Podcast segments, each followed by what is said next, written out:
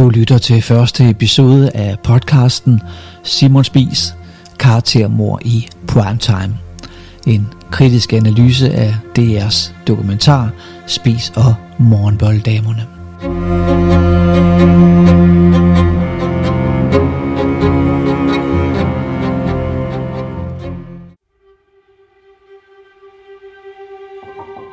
Navn Charlotte Fredericia Nielsen Adresse Rødovre Født 23. juli 1962 Stilling Elev Mit første kys fik jeg af Søren Bro, da jeg var 12 år. Min bedste veninde, Rikke, som jeg kender fra skolen. Min bedste ven, det er min fyr Johnny. Min yndlingsplade, alle plader med Donna Sommer. Min tv-favorit, Lev Ullmann. Min yndlingsskuespiller, Jack Nicholson. Min yndlingsbog, digte af Tove Ditlevsen. Min yndlingsblomst, Superstar Rose.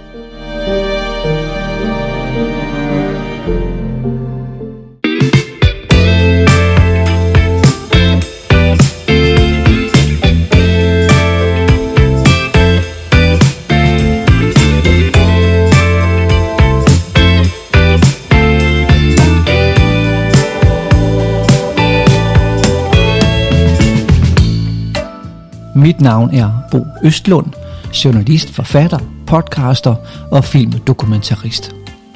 Og kvinden, som du hører, dog ikke med hendes egen stemme, er en af hovedpersonerne i DR-dokumentaren Spis og Morgenbolddamerne. Charlotte Fredericia Nielsen. Den eneste nulevende morgenbolddame, som medvirker i den meget omtalte DR-dokumentar.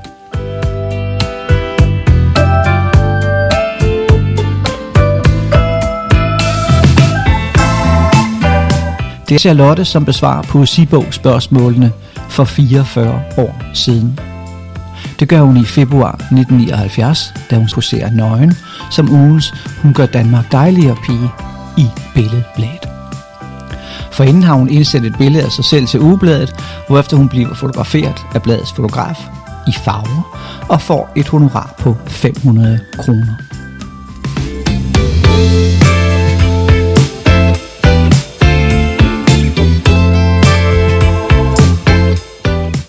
Denne podcast i en lang række episoder er ikke et forsvar for Simon Spies. Og den er heller ikke et udtryk for nogen som helst private holdninger om hans levevis dengang i 60'erne, 70'erne og starten af 1980'erne. Den forholder sig heller ikke til, om man kan og skal bedømme en person ud fra, at personen levede i en anden tid med en anden moral og andre normer. Denne podcast handler alene om journalistik for jeg elsker mit fag, som har været en del af mit liv lige siden 1975 i 48 år.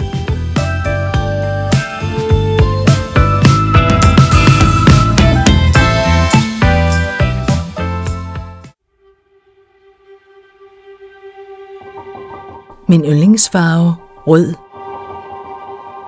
Mit yndlingsdyr. Alle dyr, undtagen krybdyr. Min livret boller i kaj. Jeg frygter mest at gå til tandlægen. Jeg hader mest at blive misforstået. Min største oplevelse, da jeg blev konfirmeret. Mit yndlingsnavn, Michelle.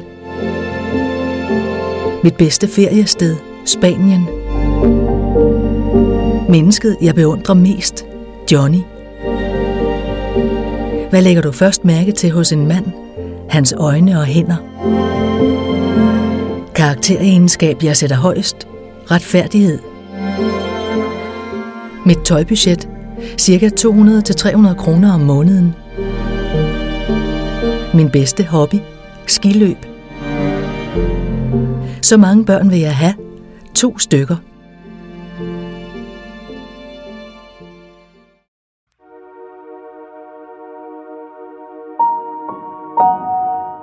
Så vidt de 24 spørgsmål til den 16-årige rødovre pige Charlotte, da hun i februar 1979 poserede nøgen i billedbladet og fik en plovmand for sin medvirken og for at gøre Danmark dejligere.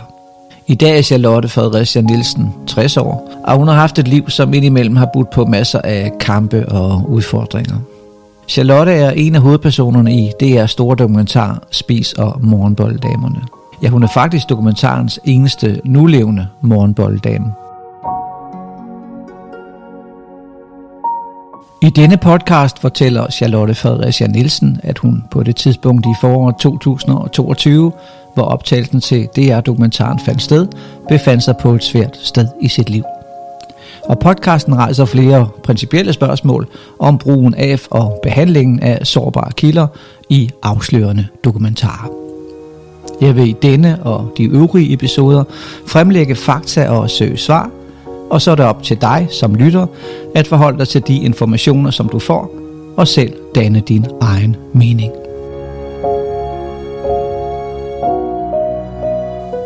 Charlotte oplyser selv, at hun drak en flaske vodka om dagen, da hun blev optaget til DR's dokumentar. Hun fortæller også, at seriens tilrettelægger overførte penge til hende for en flaske vodka, som blev købt på vej til det hotel i København, hvor interviewet fandt sted.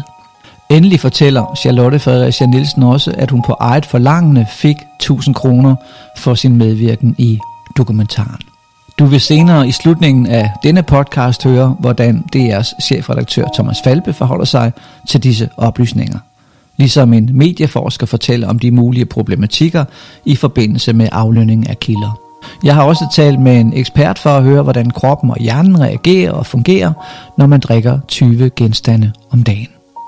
Loud Peoples direktør, han hedder Lav Rabjar Eriksen, har tidligere offentligt afvist, at nogle kilder i dokumentaren har modtaget honorar for deres medvirken. Der er altså masser at tage fat på i denne første episode i podcasten Simon Spis karaktermor i primetime. Så bliv hængende, for i løbet af den næste lille halvanden time får du også fortalt den fulde historie om Charlotte Fredericia Nielsen i årene efter opholdet hos Simon Spis. For hun forlod spisrejser efter halvandet år, og efter eget udsagn 8 måneder af disse som morgenbolddame, og indtil hun i 1982 mødte den mand, som skulle føre hende ud i 10 års misbrugshelvede. DR's dokumentar fortæller ikke om disse mere end to år, men fastslår flere gange, at der går en lige linje fra Charlottes ophold hos Simon Spies til hendes liv med store udfordringer. Men passer det? For nogle flere puslespilsbrikker til Charlottes liv i denne podcast og bedøm selv, når du kommer med på den overraskende rejse. Og lad os så skrue tiden tilbage til sensommeren 2022. Hvis du så blev krydret med et lille knald, så øh, ville jeg få 10.000. Ny serie på DRTV om Simon Spies. Det er unge piger. Meget unge piger. Hvis du ikke makker ret, jamen så var du også ude. De skulle søge de ud. I min alder, der støtter det i hvert fald at være kendt mange millionær, i stedet for at være et rigtig gammelt svin. Og så skulle de gå i seng med ham, når han ville have det. Det var min lykkeligste år. Hvis du gik med til, han måtte brække din arm, så ville du få 10.000. det var jo bare et lille knald, det var det hele.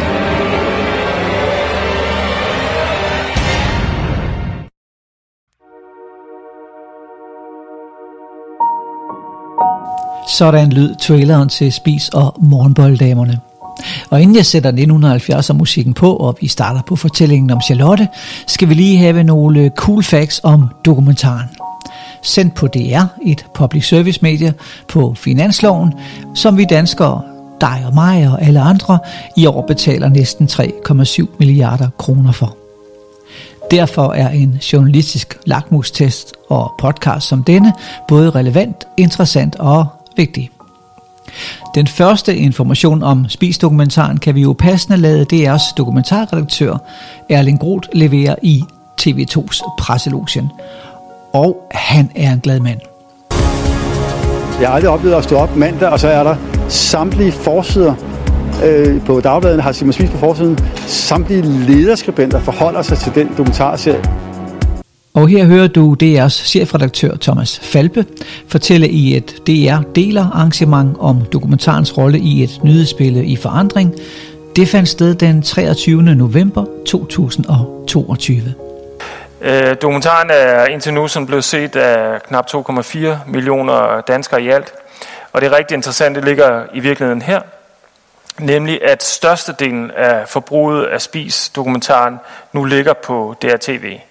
Og det er virkelig den helt store fortælling og markante udvikling fra dronekrigeren til spis, at det primære forbrug faktisk nu er rykket over på streamingplatformen. Det er ikke længere DR1, som er øh, den platform, hvor vi er sikre på at kunne nå flest danskere øh, første gang, vi publicerer. Øh, og Spis har jo også øh, øh den effekt, ligesom dronekrigen havde, at vi kunne trække nyhedshistorier og andre aktualitetsfortællinger omkring den i en lang periode efter, uanset at vi i virkeligheden publicerede den på DR1 traditionelt, nemlig med et afsnit øh, om ugen. Så lagde vi dem alle tre ud øh, på DRTV samlet, og det har altså øget visning og gennemsagskraft meget markant på, øh, på den dokumentar.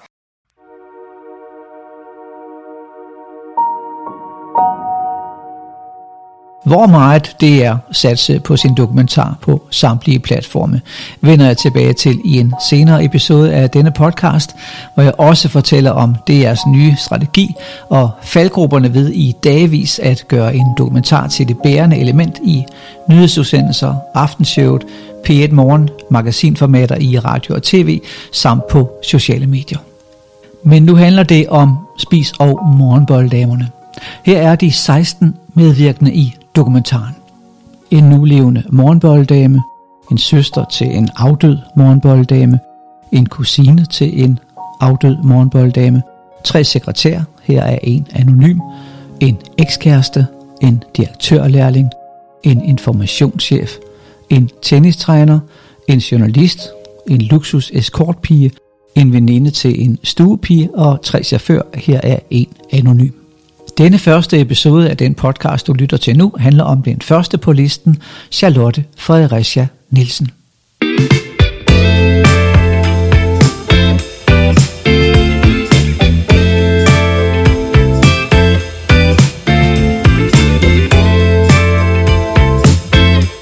Charlotte Fredericia Nielsen ansættes i Spiskoncernen den 10. januar 1979 en måned før hun optræder i Billedbladet med svarene på poesibogs spørgsmålene. Charlotte er 16,5, og hun ansættes som Picoline samme dag som den jævnaldrende Janni Brudersen, som senere skal blive gift med Simon Spies. Charlotte fortæller i DR-dokumentaren. Vi var 400 ansøgere. Jeg kan huske det lige så tydeligt nede foran øh, hotellet med Kurte. Det gik, køen gik hele vejen ud fra Nyopsvej hen til tanken, der lå der blev bombet under krigen. Og jeg tænkte, jeg har aldrig en chance for at få det job der. Nå ja, men øh, du får besked om nogle dage. Og der, hvad hedder det? Ja, jeg så fik, så blev jeg så ansat. Der er, ja, der er 16,5, og der bliver jeg så ansat sammen med Janni. Jeg var meget, meget glad for at være der. Altså, der var en hyggelig stemning, var lidt sådan lidt familiært nede i rejseafdelingen.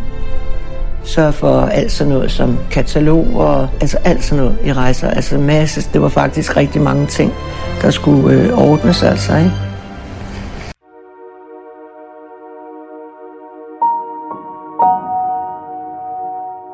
Charlotte Fredericia Nielsen er som sagt den eneste morgenbolddame, som lever, som er med i dokumentaren.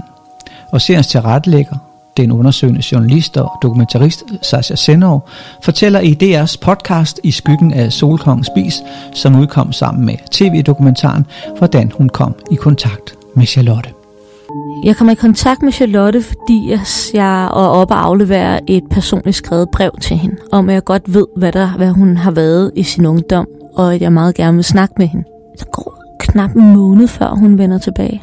Og derfra bruger jeg noget af min sommerferie på at besøge hende, og øh, et par måneder på, cirka et halvt år på at opbygge nok tillid til, at hun vil medvirke.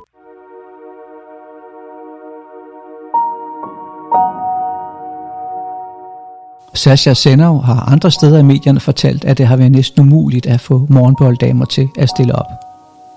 Derfor har det været helt afgørende at få Charlotte til at medvirke i programmet. Men Charlotte Fredericia Nielsen indvilger i at medvirke på tre betingelser – hun vil have 1000 kroner og en flaske vodka, og så skal hendes hund passes under interviewet. Interviewet med Charlotte Fredericia Nielsen foretages på luksushotellet Kong Arthur ved Søerne på Østerbro i København. siger jo med det samme, at der ikke er penge i at udtale sig, fordi så vil folk komme og sige hvad som helst for penge. Og så siger jeg, at det er fint nok, men ud over det, så går jeg ikke nogen steder uden at have min vodka. Det var da jeg drak meget, ikke? Øh, så går jeg ikke nogen steder uden at have min vodka, og min hund, den skal også med. Den skal ikke være alene hjemme. Så det var mine øh, præmisser, kan man sige, ikke? Fik du så en flaske vodka på? Ja, ja, men det var hende, der journalisten, der betalte personligt. Jeg, jeg forlangte bare, at vi kørte forbi Netto, og det gjorde vi. Og så købte vi en flaske vodka. Mm. Og så havde jeg hunden med, og den blev pat, den måtte ikke være på hotellet. Så den var der en, en sød, øh, jeg tjekkede hende ud først, så jeg giver ikke bare min hund til hvem som helst. Det var sådan en meget sød ung, øh, ja, hvad var hun, praktikant eller assistent, som øh, havde dash imens, ikke? Så du bliver hentet i en taxa, og så kører I forbi øh, en forretning og kører en flaske vodka? Hun havde bestilt en 3 gange 35 hvor, og så, hvad hedder det, overført nogle penge, så jeg kunne købe en vodka. Eller jeg købte en vodka, så fik jeg penge betalt. Blev den drukken, mens du optog, eller, eller bagefter? Nej, altså på en gang, jeg prøvede at sige til dig, jeg drak en vodka i døgnet på det tidspunkt. Så jeg gik ikke nogen steder, uden jeg havde min vodka. Jeg drikker ikke mere end flaske i døgnet, altså. Så det er ikke noget med, at jeg er stiv eller noget, fordi når du drikker så meget i døgnet, så gør du det ikke for at blive stiv, så gør du det bare for at have det godt, ikke? Hmm. Hvor kom de 1000 kroner ind hen? Var det nogen, du også fik af, af, af, af produktionsselskabet? Nej, altså, nu skal ikke tænke mig om. Øh, nej, dem fik jeg ikke. Jeg fik dem privat af, af journalisten. Fordi du bad om dem? Ja, Hvorfor? fordi jeg ikke havde nogen penge. Og hvis jeg skulle dit, og jeg skulle dat, jamen, så blev jeg nødt til at have nogle penge. Ja. Sådan var det bare.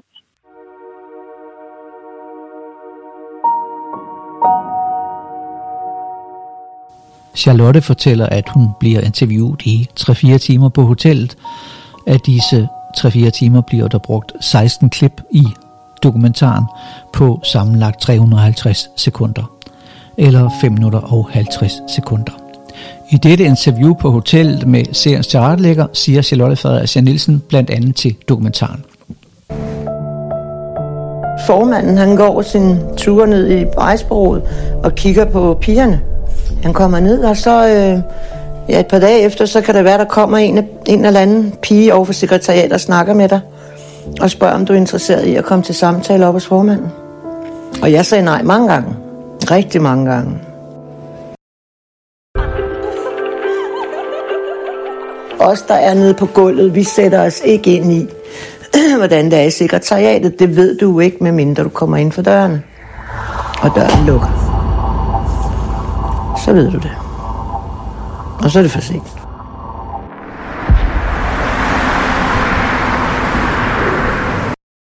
Jeg tror, det var fedt at have sex med sådan en gammel, nu vil jeg ikke sidde og sige noget nedværdigt, men, men sådan en ældre mand, som 17-årig. Mm-mm. Der måtte jeg virkelig tage lud af hatten på, dig.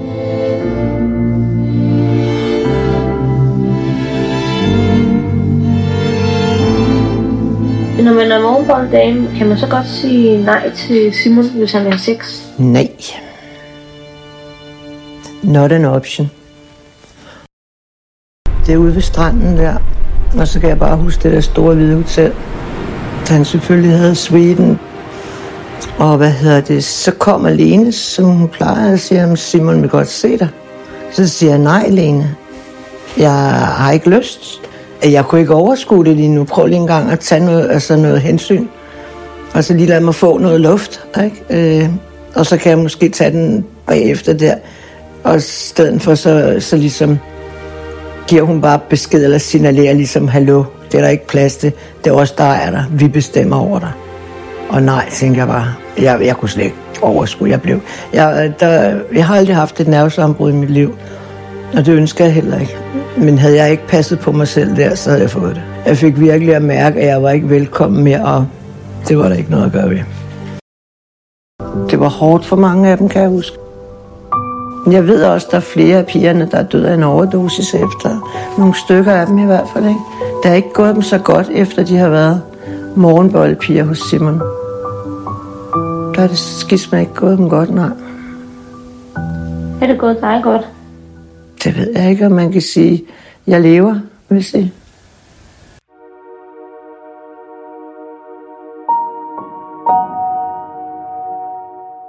Senere i dokumentaren besøger Charlotte lillesøsteren til en anden afdød morgenbolddame, som hed Heidi Christensen. Det er Annika Barkan, som er dokumentarens omdrejningspunkt. En række af de markante udsagn fra Charlotte Fredericia Nielsen, som har givet anledning til stor debat i medierne og diskussion i offentligheden, kommer Charlotte med i Annikas lejlighed på Vesterbro i København.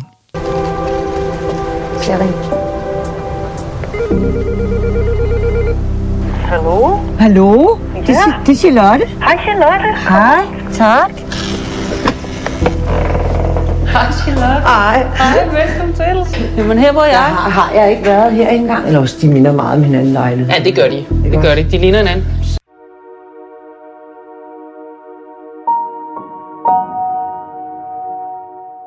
Det er under Charlottes besøg hos Annika i lejligheden på Vesterbro i København, at Charlotte blandt andet kalder Simon Spies for sadist og masochist. Det er også der, hun fortæller, at en Heidi Kok lå i sin arm brække for 10.000 kroner. Danmarks Radio har senere over for Ekstrabladet bekræftet, at de ikke har kunnet finde beviser for, at dette er sket. De har heller ikke kunne finde Heidi Kok.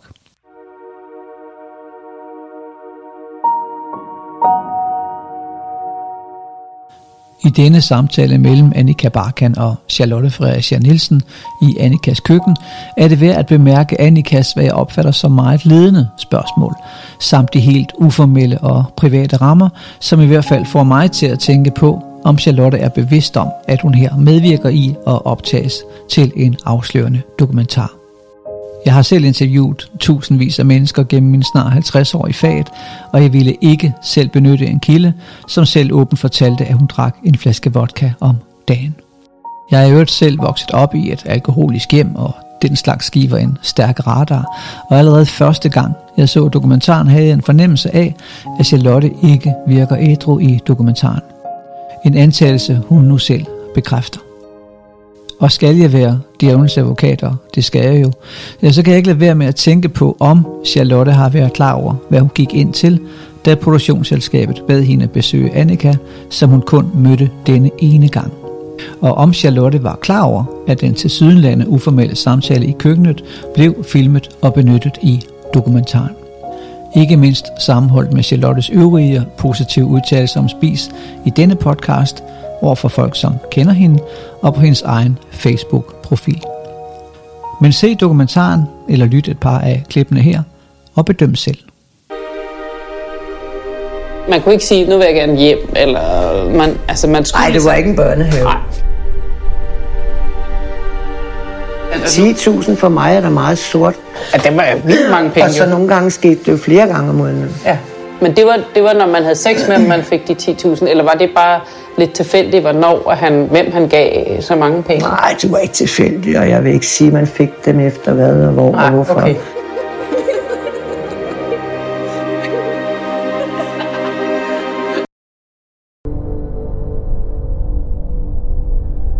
Det er jo sådan meget, øh, kan man sige, en ulige balance. Altså at skulle opfylde en eller anden mands... Øh, det har jo været noget, han har. Det har jo været et eller andet hos Præcis, ham. Men helt sikkert.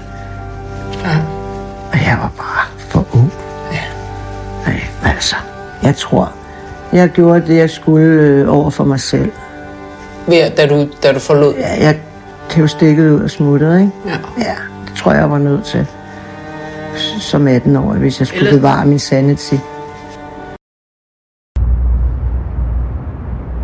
Altså, var, var, han, var der vold involveret? Nu er det meget voldsomt at sige, så jeg har faktisk rigtig lyst til at sige det. Du må gerne, ved du, jeg kan faktisk, jeg er meget solid. Jeg kan Han var, det. han var jo sadist og masochist. Ja. Så øh, hvis du gik med til, at han måtte brække din arm, så ville du få 10.000. Ja. Og det er vildt, hva'? Det er uhyggeligt. Det er virkelig uhyggeligt. Ja. Men folk vil gøre hvad som helst for penge. Ja, det ved det.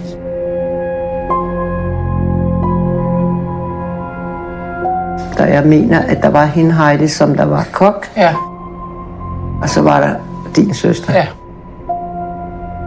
Altså, jeg, jeg ved, Heidi Kok, hun gik med til at få brækket sin arm, ikke? Ja. Ja, det er jo voldsomt. Jeg gik der bare op og gav ham en knald, mand. Så fik jeg 10.000. Ja. Hvorfor brække sin arm? Ja, ja.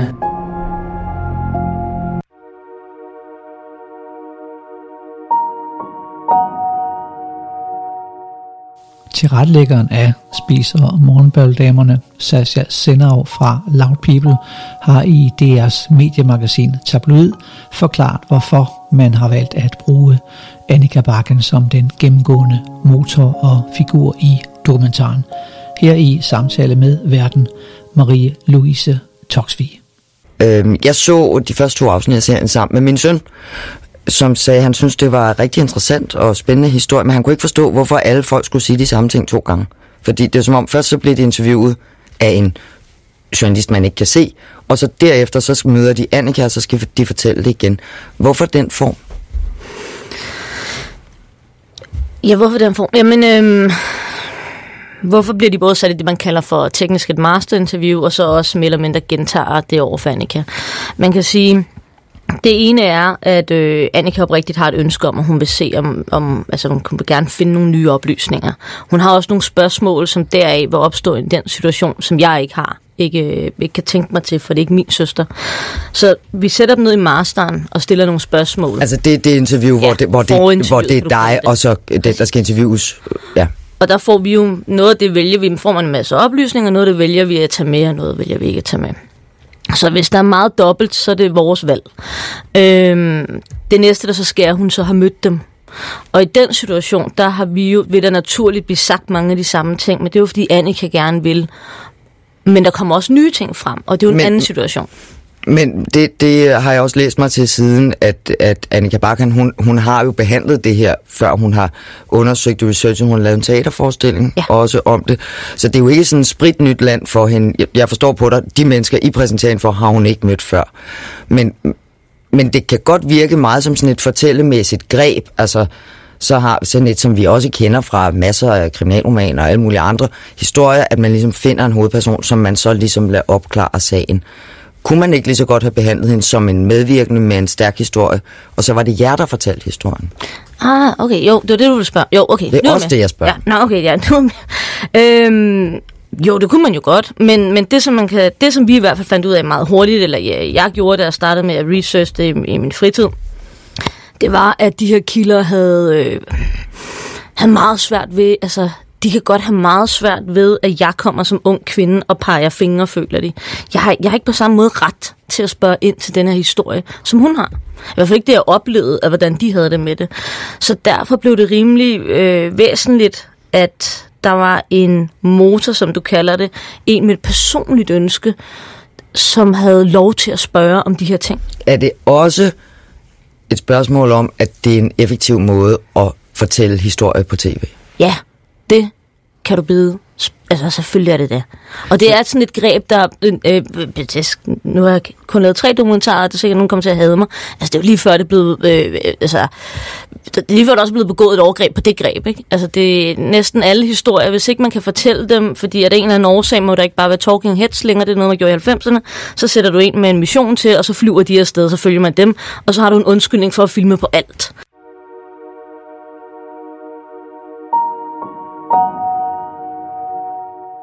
Og vi bliver i de uformelle og private rammer i Annikas køkken på Vesterbro i København. Charlotte er netop kommet op ad trappen, og hun får en kop kaffe, og hun hælder mælk i kaffen uden at åbne kartongen helt. Og så hører vi Annika og Charlotte tale om Annikas lille søster Heidi, som arbejder som morgenbolddam hos Simon Spis. Så. Du skal lige åbne den, måske. Nej, nej, nå, var du sådan. sådan. Nå, ja, okay. Så. ja, halvøjtaler, hva'? Må jeg bruge den? Ja, det gør du da. Så. Nej, det er da spændende, altså. Ja. Hvem var det så, din søster var? Heidi hed hun. Ja, men... Øh, Der var vist flere Heidi'er, som Ja, jeg der var forstår. to. Der var to. Prøv at se, her er der et billede af mig og Heidi, da Ja. jeg var helt lille. Ja, for det, det, ja, det har jeg. Det er godt. Kan du godt huske hende? Ja, jeg kan godt huske Heidi. Nå, okay. Så I har været der samtidig? Ja, ja. Ja. Det har jeg. Jeg kan bare huske, at jeg sad tit med Heidi Ja. og snakkede. Ja, hun lyder også som om, at I har haft en del til fælles. og Hun var jo også Ja. en virkelig en spralsk pige. Det altså, var med hun. gang var i den, en spræl i hendes lange stænger. Hun havde virkelig, kan jeg huske, nogle lange, smukke stænger. Ja, jeg var en Hun meget god. smuk pige. Ja, det var hun. Ja. hvad jeg vil huske fra Heidi, at vi tit satte os et eller andet sted, bare for hende, hende og mig, Ja. og sad og sludrede. ikke? Ja. Øh, og hun var lidt frustreret, Heidi. Det var ligesom med far. Det er far, der har... Ikke? Og han har lukket os inde, ikke? Ja. Sådan blev man lidt nogle gange, Ja, ja. fordi vi ikke var så gamle. Ja, ikke? ja. Så der gik lidt teenager i den, ikke? Ja, altså det var, det føles, altså, var det følelsen af at være vi var indespærret? Ja, vi var jo fanget, ikke? Og vi kunne ikke gå nogen steder. Så mistede vi jobbet.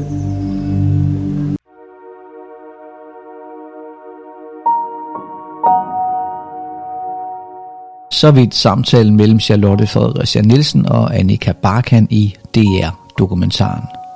Charlotte fortæller i et interview med mig i denne podcast, at hun ikke arbejdede sammen med Annika Barkans søster. Og det samme viser min egen research.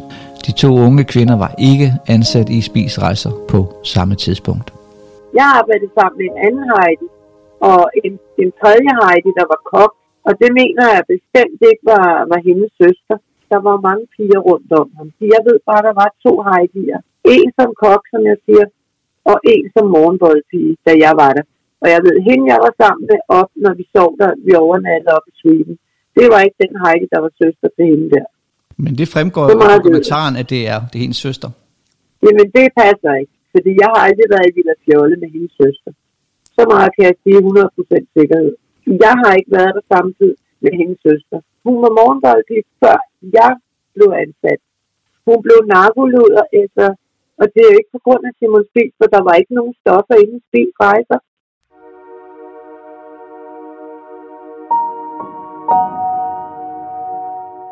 Senere konkluderer Annika Barkan ud fra sin samtale med Charlotte samt sin og produktionsselskabets research dette i dokumentaren. Altså Heidi endte jo i stofmisbrug. Så det er klart, at når jeg ser en som Charlotte, som jo var helt jævnaldrende med Heidi, altså, så er det klart, at nogle gange tænker jeg også, hvad er det for et liv, Heidi ville have fået, hvis hun var overlevet? Altså, at den form for stofmisbrug er bare voldsom. Og man kan sige, at det er imponerende, at Charlotte er overlevet.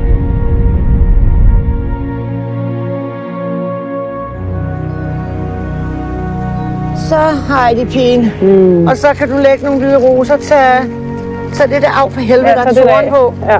Ja, til det der af, og så læg der fem roser. Så kan vi gøre det for alle dem. Du må Præcis. kende Ej, en du må sgu da ikke pisse op af det. Nu må du da lige komme ind i kampen, mand. Vil du ikke også lægge nogen? Nej, jeg har lige sat okay. tulipanerne. Okay. Læg dem op over. Så de der slattene væk. Ja. Ja, sådan. Sådan der. Så til Heidi pigen. Ja. ja.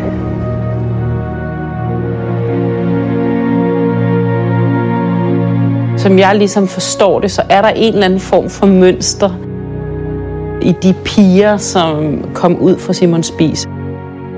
Det er ikke tilfældigt, at mange af dem ikke lever.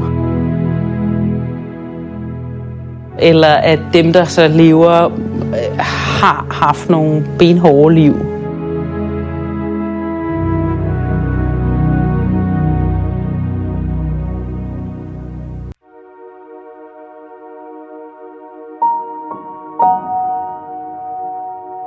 Ifølge Annika Barkan går der altså en lige linje mellem Charlotte Fredericia Nielsens halvandet års lange ansættelse i spisrejser til det udfordrende og hårde liv, som hun har haft.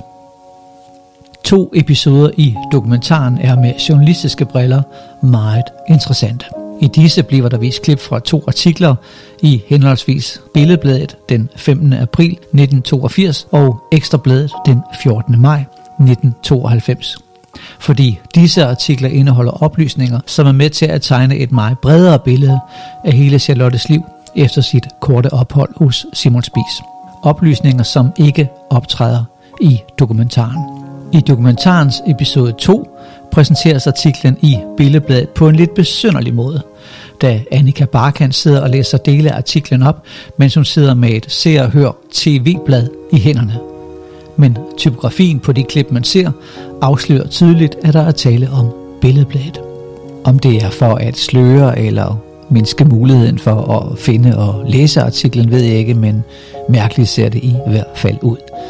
Det hele det lyder sådan her i dokumentaren. Bladene er også interesseret i Simons unge piger.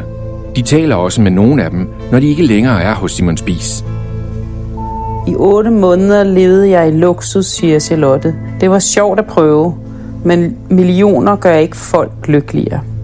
Vi var fem piger i alt i Simons luksus suite dengang, fortæller Charlotte. Sekretærer, som vi kaldtes. Vi skulle være til rådighed hele tiden, og så skulle vi lægge Simons tøj frem, gå i seng med ham, og hvad alle vel efterhånden ved, bage de der berømte morgenboller.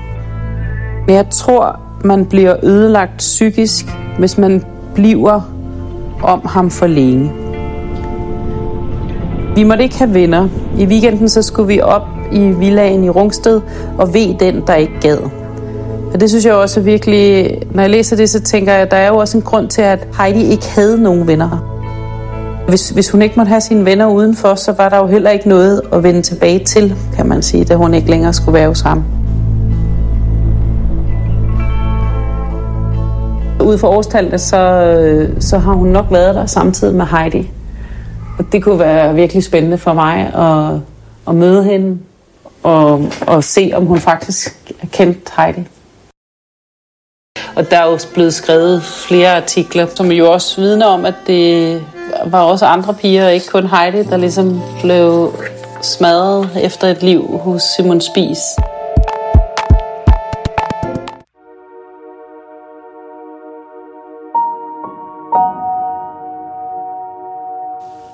I virkeligheden fortæller den store artikel i Billedbladet fra den 15. april 1982 meget mere om Charlottes opfattelse af Simon Spies, om hendes problemløse opsigelse og om en glad og sorgløs tid efter de otte måneder hos Simon Spies. Dokumentaren skaber har dog ikke ment, at de var væsentlige for at tegne et bredt billede. Men øh, lyt med her og bedøm selv. Her er et større uddrag fra artiklen i Billedblad den 15. april 1982.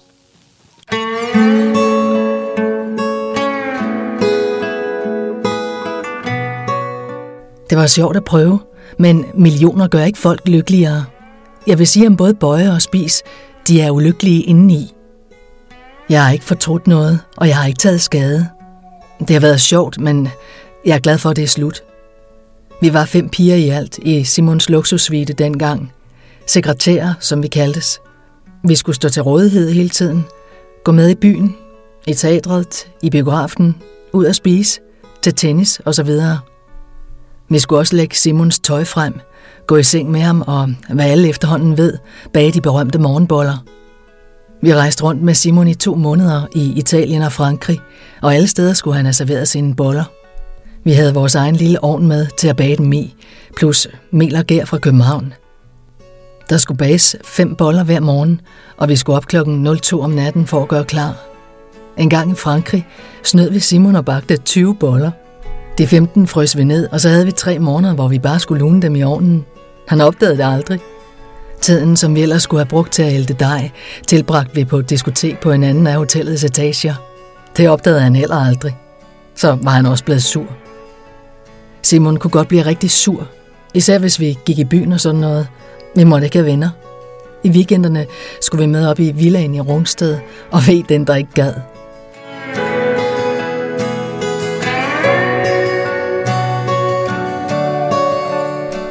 Simon er en lille særling, men han er også skæg og sød.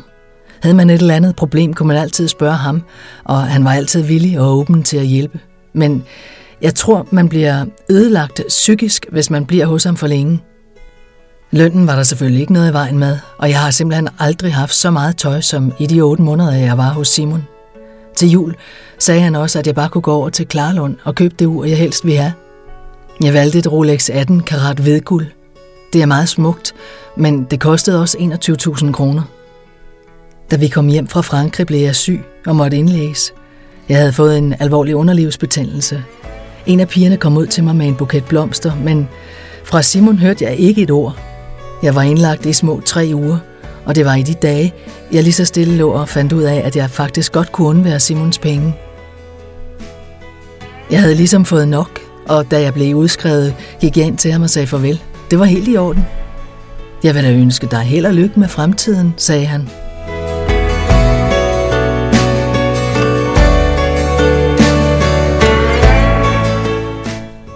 Så blev jeg ansat i en forretning på strået. Efter et års tid rejste jeg med en veninde i kibbutz i Israel. Og det er en tid, som jeg i dag mindes med stor glæde. Jeg lærte enormt meget. Vi levede ligesom i vores eget lille samfund. Nogle arbejdede i plantagerne, andre i markerne og jeg i køkkenet. Løn fik vi ikke, kun lidt lommepenge. Det var fantastisk fascinerende. Da jeg kom hjem, havde min mor mødt Bøje Nielsen. Det tog imod mig i lufthavnen. Gud, hvor er han dog genert, var det første, jeg tænkte. Jeg kom ned på gården og nød det. Det var ligesom at være på ferie, og jeg fik lov at ride på hestene. Senere på sommeren tog jeg på ferie med nogle venner til Italien.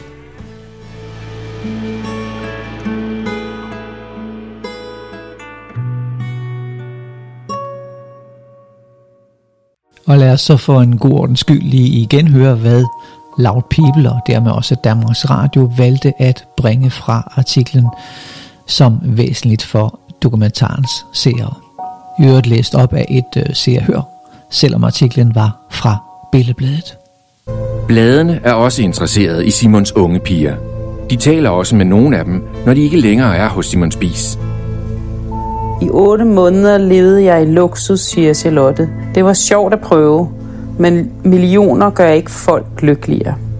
Vi var fem piger i alt i Simons luksus suite dengang, fortæller Charlotte. Sekretærer, som vi kaldtes. Vi skulle være til rådighed hele tiden, og så skulle vi lægge Simons tøj frem, gå i seng med ham, og hvad alle vel efterhånden ved, bage de der berømte morgenboller.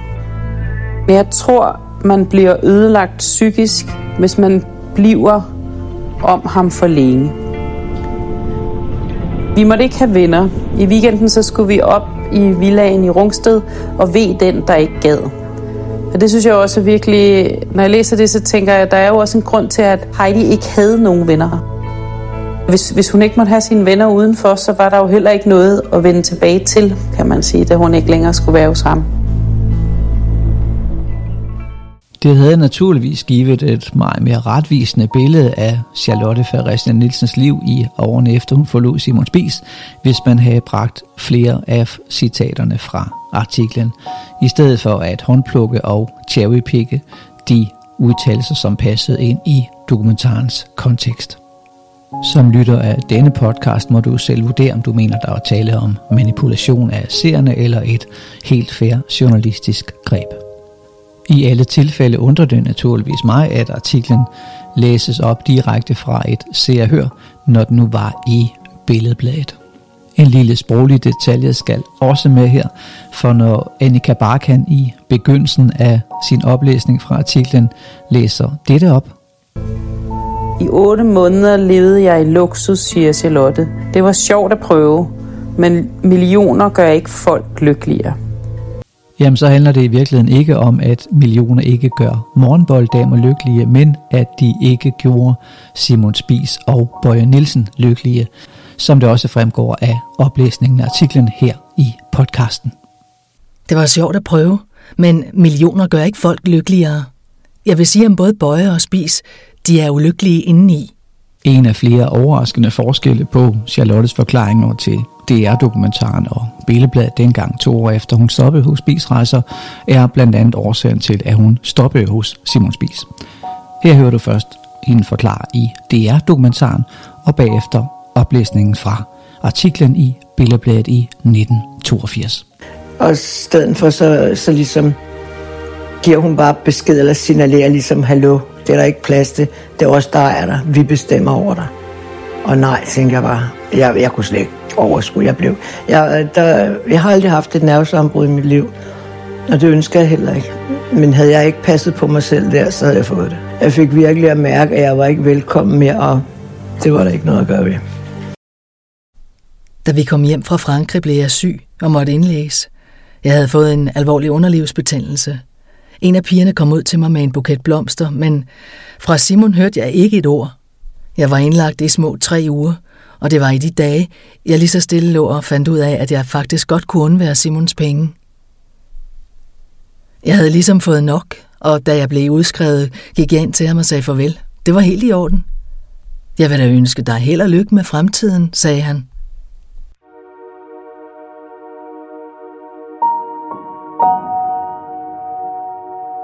Så vidt artiklen i Billebladet fra 1982. 10 år senere optræder Charlotte Fredericia Nielsen igen i medierne. Denne gang i en stor artikel i Ekstrabladet med overskriften Jannis veninde endte på Halmtorvet. Her kan du høre, hvad dokumentarens tilretlægger har valgt at medtage fra artiklen i episode 2, hvor Annika Barkan sidder og kigger på artiklen i Ekstrabladet fra 1992. Nu er det faktisk lykkedes jo at finde en artikel med et navn på Charlotte Nielsen. I 79 blev Charlotte ansat som pigoline sammen med Janne Spis. Morgenbolledame Charlotte blev narkoman, Janne blev Danmarks rigeste kvinde. Charlotte Nielsen og Janni Brodersen begynder altså samtidig som pigoliner i spisrejser. Den unge pigoline Janni Brodersen bliver kæreste med chefen Simon Spis, og da hun er 20 år, gifter de sig. Senere arver hun hele koncernen. Det er en ret stor kontrast, kan man sige. Ikke? To helt unge piger, der umiddelbart kom fra samme forudsætning ind i Simon Spises greb.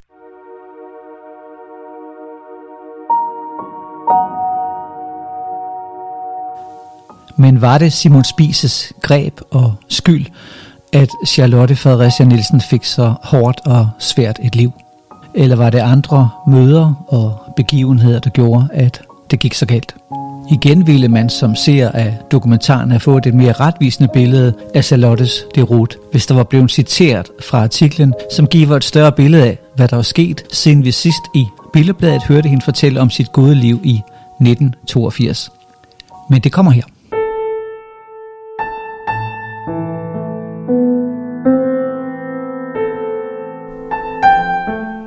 Ekstrabladet 14. maj 1992 i 1979 blev Charlotte, 17 år gammel, ansat som Piccoline i Spis-koncernen sammen med Janni Spis. Der var 150 ansøgere, og vi var fire, der blev taget ud, deriblandt Janni og jeg.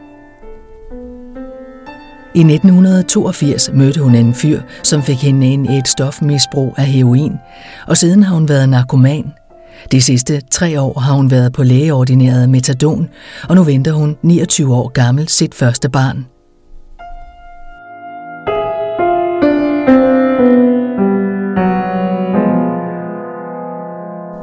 Charlotte er atypisk for brugerne af redden.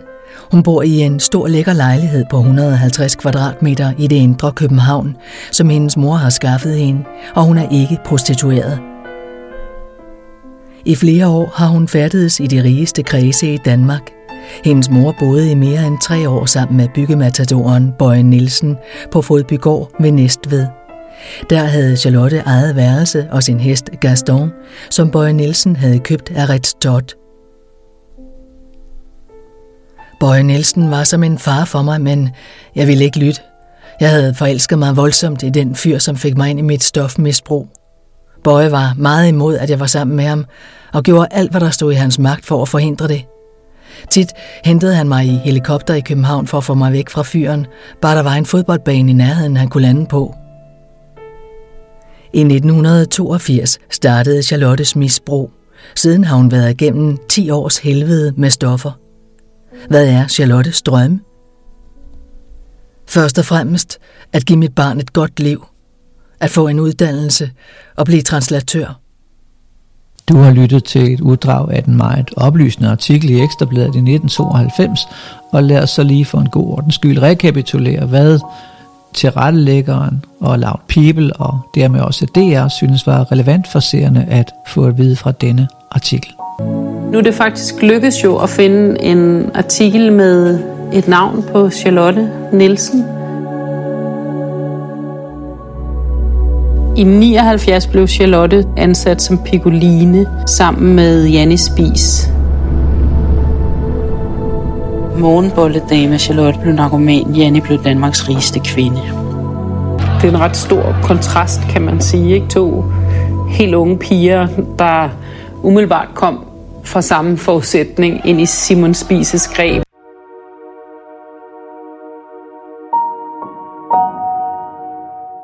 Men hvad er Charlotte Fredericia Nielsens egen opfattelse af Simon Spies i dag, i 2023, næsten 43 år efter, at hun forlod Spies rejser i 1980?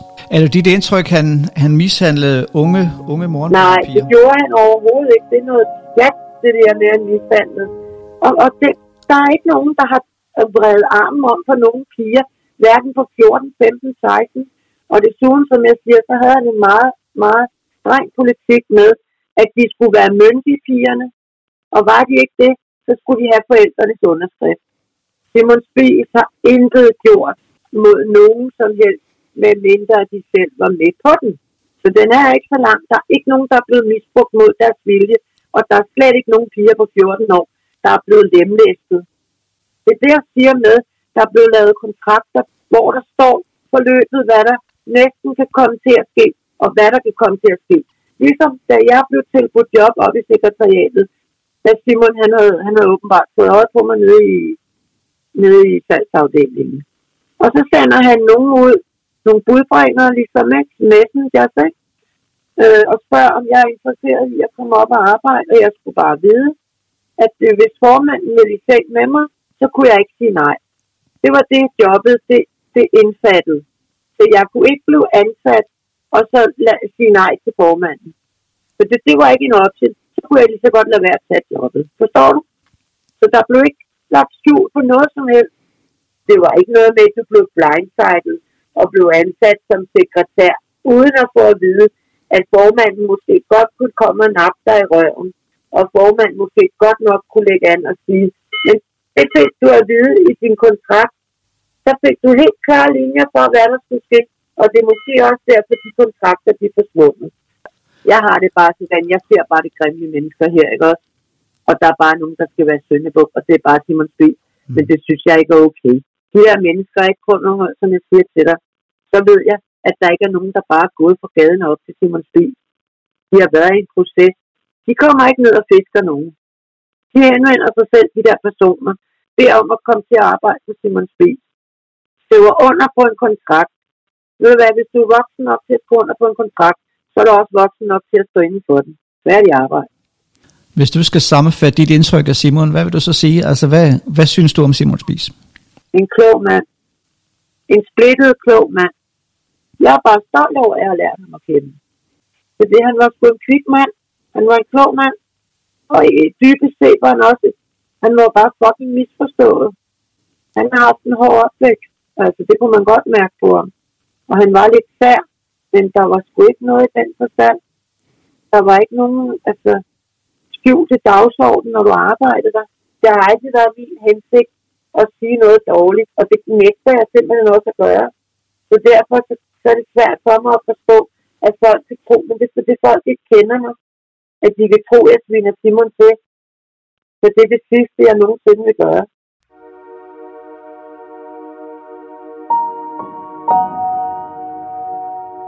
Fra denne samtale med Charlotte Fredericia Nielsen er det værd at bide mærke i, at hun forklarer, at der altså var klare aftaler og kontrakter, så ingen var i tvivl om, hvad der skulle ske, når man kom op i formandens sekretariat. Her et pluk fra samtalen. Det er det, jeg siger med, der er blevet lavet kontrakter, hvor der står forløbet, hvad der næsten kan komme til at ske, og hvad der kan komme til at ske. Så der blev ikke lagt skjul på noget som helst. Det var ikke noget med, at du blev blindsided og blev ansat som sekretær, uden at få at vide, at formanden måske godt kunne komme og nappe dig i røven, og formanden måske godt nok kunne lægge an og sige, men det fik du at vide i din kontrakt, så fik du helt klare linjer for, hvad der skulle ske, og det er måske også derfor, de kontrakter de er forsvundet. Og her hører du Charlotte fortælle om det samme i DR-dokumentaren, inklusive nogle meget dramatiske lydeffekter. Os, der er nede på gulvet, vi sætter os ikke ind i, hvordan det er i sekretariatet. Det ved du ikke, medmindre du kommer ind for dørene. Og døren lukker. Så ved du det. Og så er det for sent.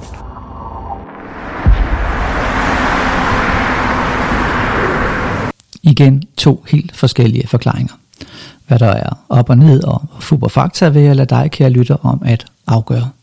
I DR-dokumentaren hører du også Charlotte fortælle, at flere, eller i hvert fald nogle stykker retter hun det til, at pigerne er døde af en overdosis, og at det ikke er gået dem så godt efter de var hos Simon Spies. Det fortæller hun, og det skal vi jo stadigvæk huske, på et tidspunkt, hvor hun efter eget udsagn drikker en flaske vodka i døgnet. Det lyder således i DR-dokumentaren. Jeg ved også, der er flere af pigerne, der er døde af en overdosis efter. Nogle stykker af dem i hvert fald. Ikke? Det er ikke gået dem så godt, efter de har været morgenboldpiger hos Simon. Der er det skisma ikke gået dem godt, nej. Er det gået dig godt? Det ved jeg ikke, om man kan sige. Jeg lever, vil jeg sige. Men i min nye interview med Charlotte Frederiksen Nielsen, så lyder det således. Simon Spies har intet gjort mod nogen som helst, med mindre de selv var med på den. Så den er ikke så lang. Der er ikke nogen, der er blevet misbrugt mod deres vilje. Annikas øh, søster havde arbejdet i Simon Spies, og øh, ja, da hun var så død af æg, ligesom om, at det var Simon Spies skyld, hun var død af æg. Hun blev narkoluder altså, og det er jo ikke på grund af Simon Spies, for der var ikke nogen stoffer inden Spies rejser. Så det er noget pjat, det der med, folk siger, det, det er sgu et valg, folk selv tager. Og det kan du aldrig nogensinde klandre andre mennesker for. Det frem... Og slet ikke Simon Spies. De har selv valgt. Det er således en stor forskel i de betragtninger, som Charlotte kommer med i DR-dokumentaren, og som hun fortæller i dag. Dokumentaren dokumenterer eller beviser heller ikke en sammenhæng mellem det liv, som hverken Charlotte eller Annikas lillesøster Heidi har haft efter opholdet hos Spisrejser. Det er således heller ikke i DR's dokumentar nogen dokumentation for disse meget kraftige anklager, som Annika Barkan retter mod en mand, som døde for næsten 40 år siden, og som ikke er i stand til at forsvare sig. Som jeg ligesom forstår det, så er der en eller anden form for mønster i de piger, som kom ud fra Simon Spis. Det er ikke tilfældigt, at mange af dem ikke lever eller at dem, der så lever, øh, har haft nogle benhårde liv.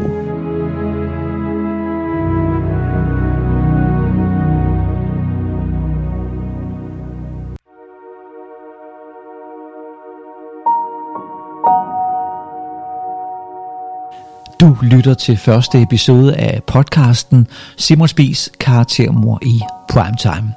Charlotte har i øvrigt siden 2011 lavet afskillige opslag på sin Facebook-profil, hvor hun både hylder og ærer Simon Spies. Det seneste så sent som i begyndelsen af december 2022.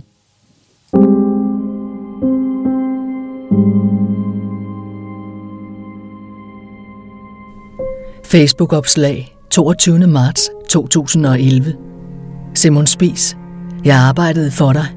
Først i halvandet år i salgsafdelingen under dejlige Torben Langemand. Derefter blev jeg headhunted til sekretariatet som Simon Spises veninde. Jeg havde knap to år sammen med Hvide Simon og Pløre Simon. Må du hvile i fred. Du var en mega klog, men totalt misforstået mand og misundt. Og misundelse er roden til alt ondt. Du vil altid være med og hos mig.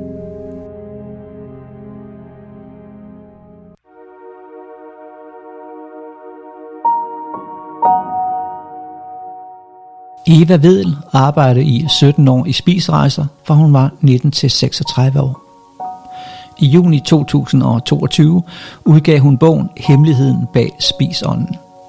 Forfatteren stillede i forbindelse med udgivelsen af Spis- og Morgenbolddamerne offentligt på bogens Facebook-side en række spørgsmål til direktøren for Loud People, Lav Rabia Eriksen. Og direktøren svarede lige så offentligt på selv samme side. Eva, jeg ved, du har været i, øh, i kontakt med, med, øh, med Loud People omkring dokumentaren. Øh, hvorfor var du det?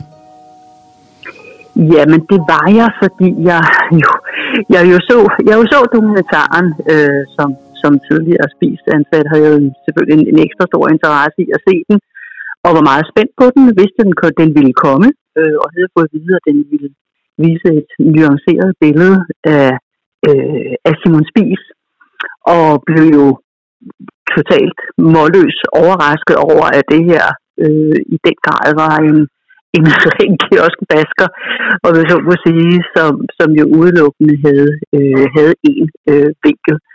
Og da jeg havde set alle, alle tre afsnit, altså, så sad jeg faktisk lidt på hænderne de første dage og tænkte, nej, nej, nu, øh, nu må du bare beholde, beholde dig øh, helt tilbagelænet til det her.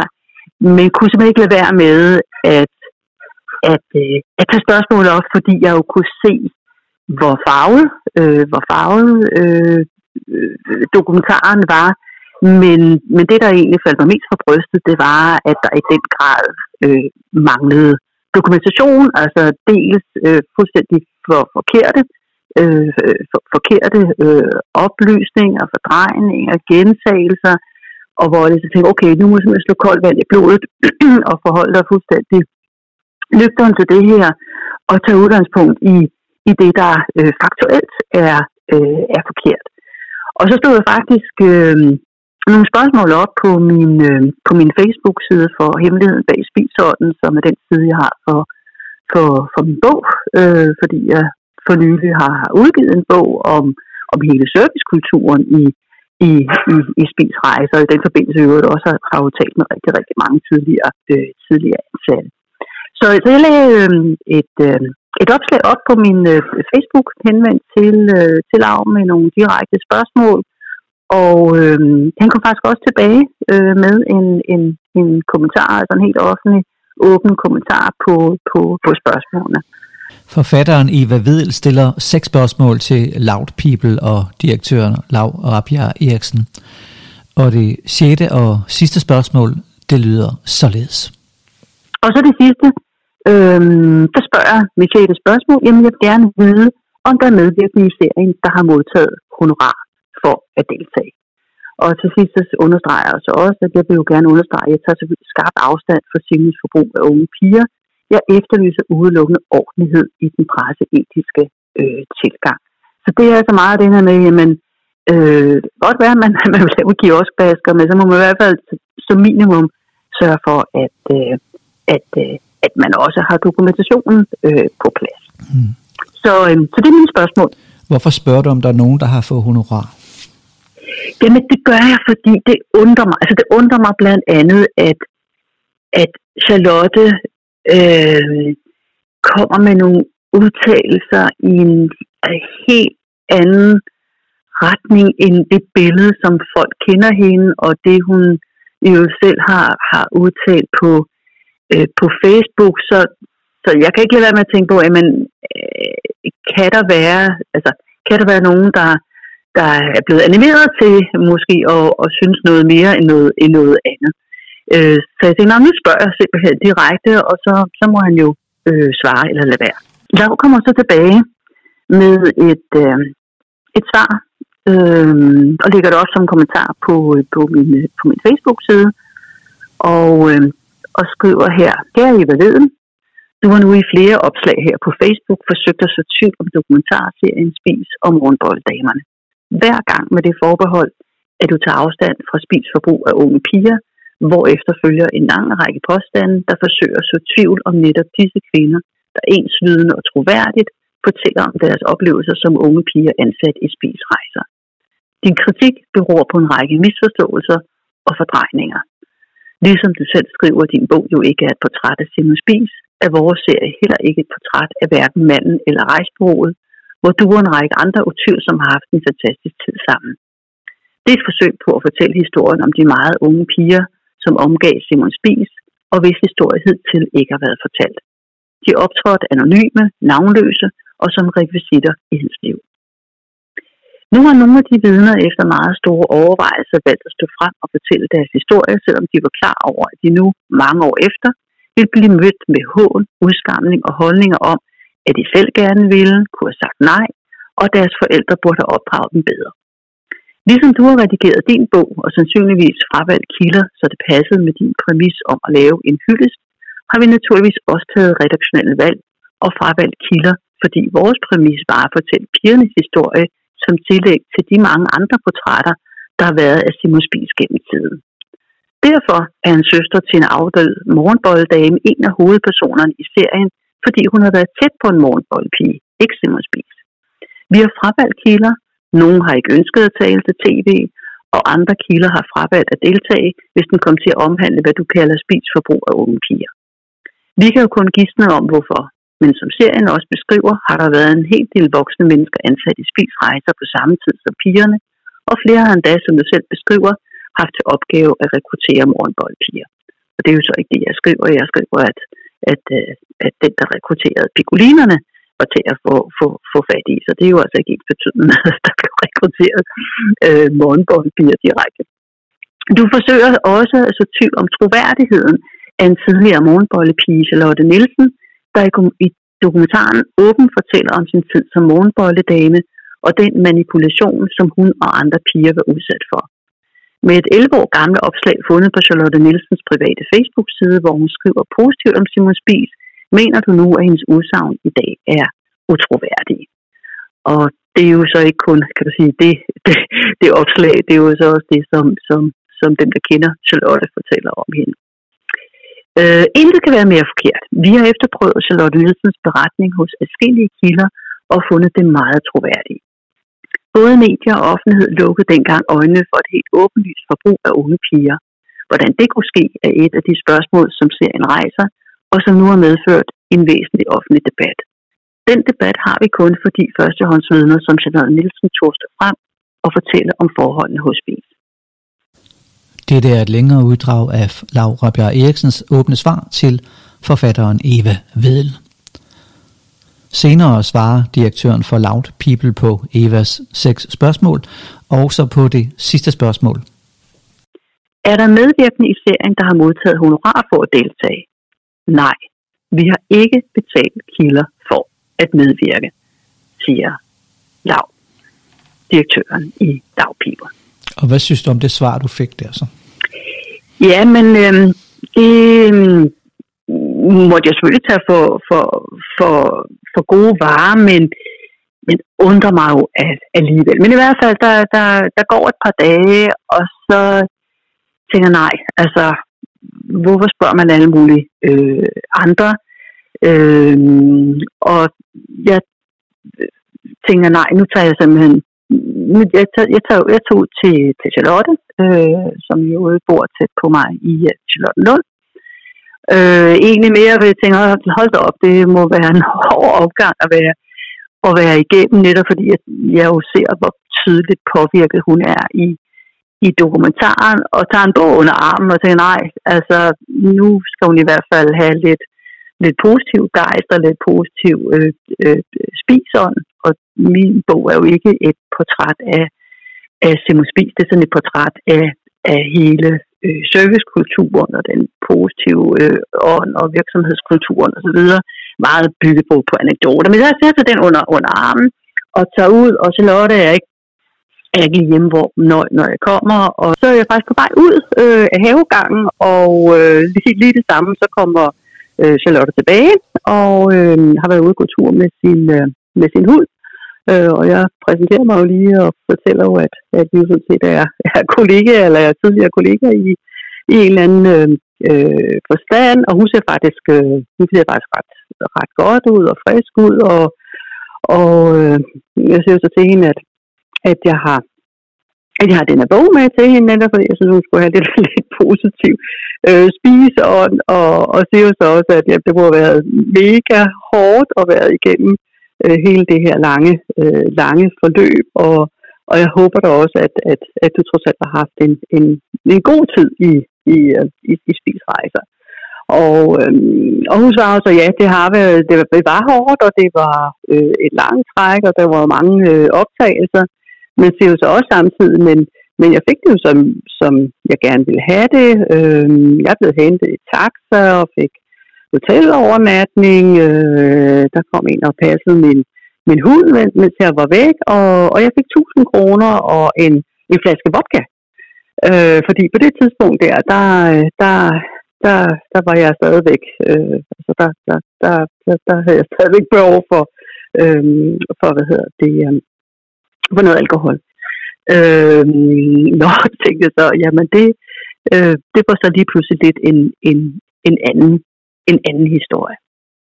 Vi, talte så lidt videre om, om, om hendes øh, svigstid, og hun fik øh, bogen, skrev en lille hilsen til hende, og så, øh, og så skiltes vi øh, sådan set derfra.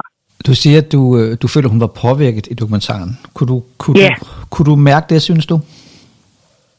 Ja, i dokumentaren, ja, det, ja, det, det, altså, og jeg er jo ikke den første, der har, altså, der har bemærket, der har bemærket det.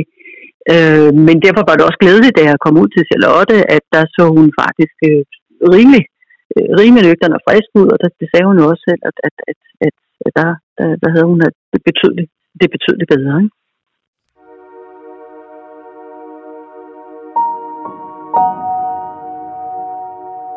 Eva Vedel understreger i øvrigt, at hendes kritik af dokumentaren på ingen måde skal opfattes som et forsvar for Simon Spies og hans handlinger.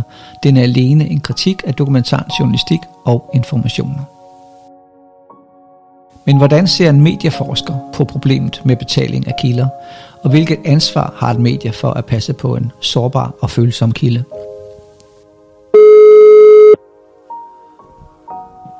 Det er Søren. Hej Søren, det er Bo Østlund. Goddag. Her er Søren Schultz Jørgensen, docent i medievidenskab på Danmarks Medie- og Journalisthøjskole.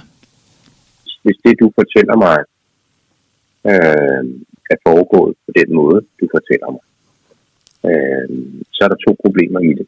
Altså det ene er øh, forholdet til sårbare kilder, øh, og det vil sige mennesker, der ikke måske øh, er helt, altså som ikke er vant til at øh, optræde i medierne, og som ikke kender konsekvenser, øh, eller øh, har en idé om konsekvenserne af deres udtalelser.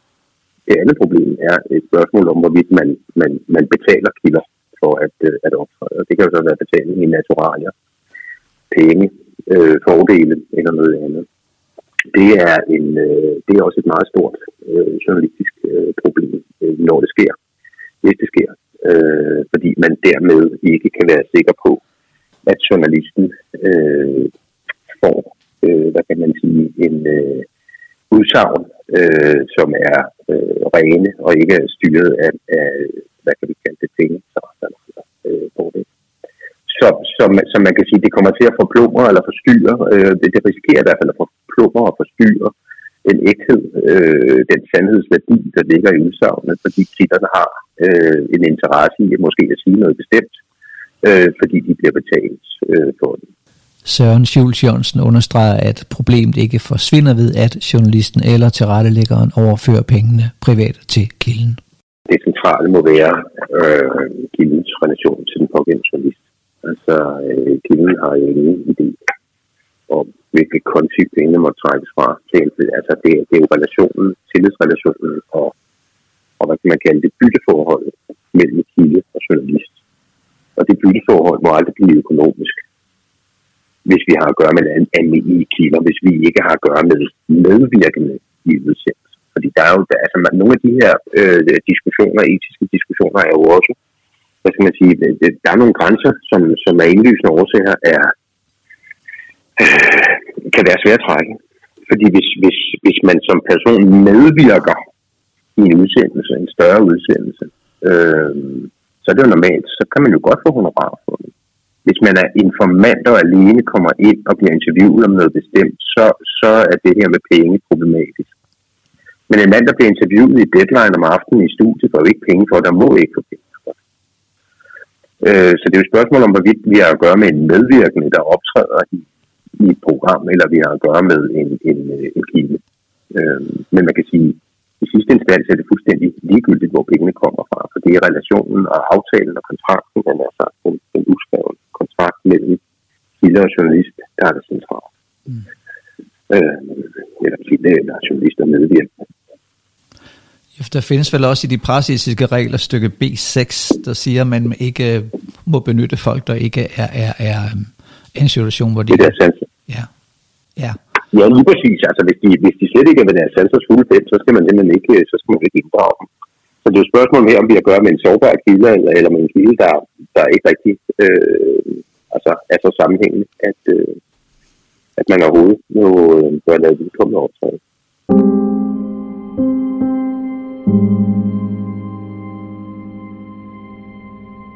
Facebook-opslag 20. august 2011. I dag rendte min store valp efter endnu en på vejen. Og så står der en dame, som jeg falder i snak med, og så viser det sig, at vi er gamle kolleger fra Spis. Heldigvis. Fire gamle ansatte hos Spis har valgt at ære ham på hans fødselsdag den 1. september, og jeg vil altid ære Simon Spis. Han var klog, smart og okay.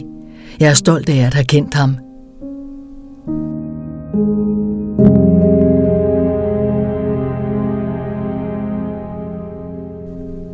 Jeg har været morgenbolledame hos Simon, og er sgu stolt af det ved at betro dig. Jeg fortryder få af de ting, jeg har gjort. Jeg kunne nemt have været fru Spis, men det var ikke det, der var så vigtigt for mig på daværende tidspunkt. Janni og jeg blev ansat på samme tid som Pegoliner. For at gøre en lang historie kort, denne skønne kollega, jeg mødte fra spistiden, fortalte mig, at de ville ære Simon på hans birthday. Jeg blev så glad for, at jeg kan vise min respekt fra min tid og ære den gamle swinger. Rest in peace, Simon Spies.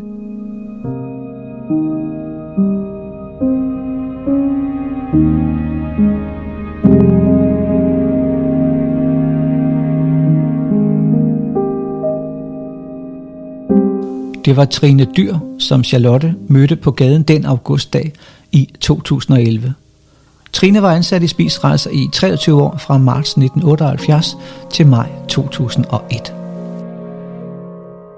Jeg mødte hende nede på Jærvangen, øh, hvor, jeg, hvor jeg så siger til hende, da vi har stået og snakket lidt, så siger jeg, det skulle da Charlotte. Ja, det er det, så siger jeg, hold kæft mand, jeg har ikke set dig siden du arbejdede i New York inde på Købmagergade. Øh, Nå, jeg så siger, Nå, men har du meldt dig til den der fest til 90-års fødselsdagen? Nej, er der fest der andet? Så siger jeg, ja, men, men der er ikke nogen billetter, så du skal tage kontakt til den og den. Og så er det, hun efterfølgende går hjem og skriver, at øh, fordi hendes hund løb, løb væk, og hun møder den der dame nede på Jærvangen. Det er så mig, der er den der dame. Men hun var jo en velfungerende, smuk, ung pige, da hun forlod Spis Rejser. Der var hun jo, alle, alle drengene var vilde med hende og ville gerne have, have lov til at være kæreste med Charlotte og Anne. Det er så bare gået grueligt galt ned ad bakke, også da hendes mor dør, hendes hele milepæl. Så du mener ikke, det er Spises skyld, at hun har fået et svært liv? Nej, han har været sørget godt for hende, og jeg kan heller ikke forholde mig til det der, hvor hun siger, om så gik jeg bare op og gav ham en knald, og, og så øh, ned igen. Altså, det var ikke den pige, øh, jeg kendte, da vi var i, i spisrejser sammen.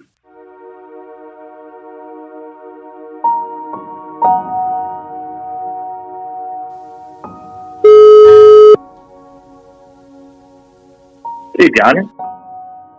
Bjarne Stender Elholm er leder af Alkolinjen, Danmarks eneste landsdækkende telefonrådgivning om alkoholproblemer, bemandet med professionelle rådgivere.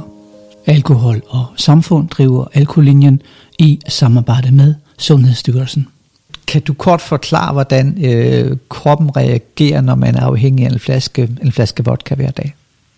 I, I hvert fald kan jeg fortælle om, altså at, at kroppen jo, øh, hvis man har brug for en flaske øh, vodka om dagen, øh, formentlig er en krop, som har behov for øh, den mængde alkohol for ikke at få det, der hedder abstinenser. Øh, og og, og det, det giver så sådan en slags funktionspromille, som gør, at man egentlig kan, kan samarbejde omkring øh, forskellige gøremål.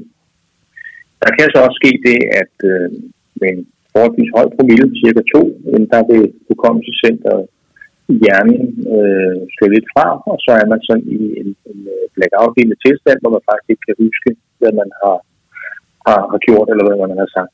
Øh, altså som udgangspunkt får man cirka øh, 0,15 øh, promille per genstand. Øh, så, så cirka, cirka 20 genstande, øh, det, det giver en promille på omkring 2,3, hvis det er en taget ret hurtigt. Og hvor mange genstande er der i en, en flaske? Øh, 20 genstande. Der er 20 i? Ja. Når man så siger nogle ting, kan man godt komme til at sige noget, man egentlig man mener det modsatte, eller, eller kan man komme til at sige noget, man ikke mener i den tilstand? Altså, det kan godt være, at man, man, øh, man mener det, når man siger det, men, men, men det kan også godt være, at man, man, øh, man fortryder, at man faktisk har sagt det. Så det vil sige, at man kommer til at overskride øh, nogle, nogle øh, kan man sige, bremsemekanismer, som man egentlig har normalt, øh, fordi promillen er så høj. Som udgangspunkt, hvis man er en person, som, som er alkohol, alkoholafhængig og har behov for at have øh, et, et forbrug på 20 genstande per dag, så, så synes jeg i hvert fald, at man, øh, man også har pligt til at vise omsorg i forhold til, om, om vedkommende rent faktisk får hjælp. Det kan jo være en, en person, som, som har haft et, øh, en alkoholafhængighedsproblem butik og har det, der hedder tilbagefald, og så øh, øh, har svært ved at, at stoppe igen.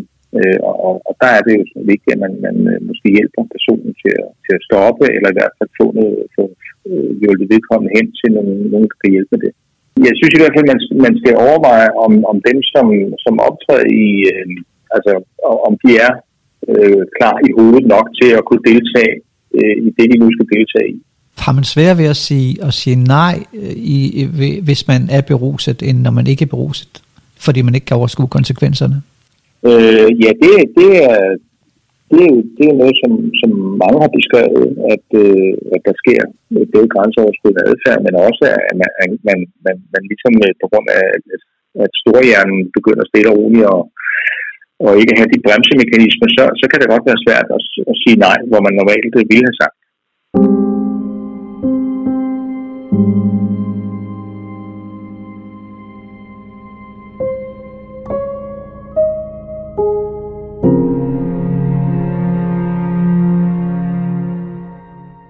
Facebook-opslag 4. december 2022.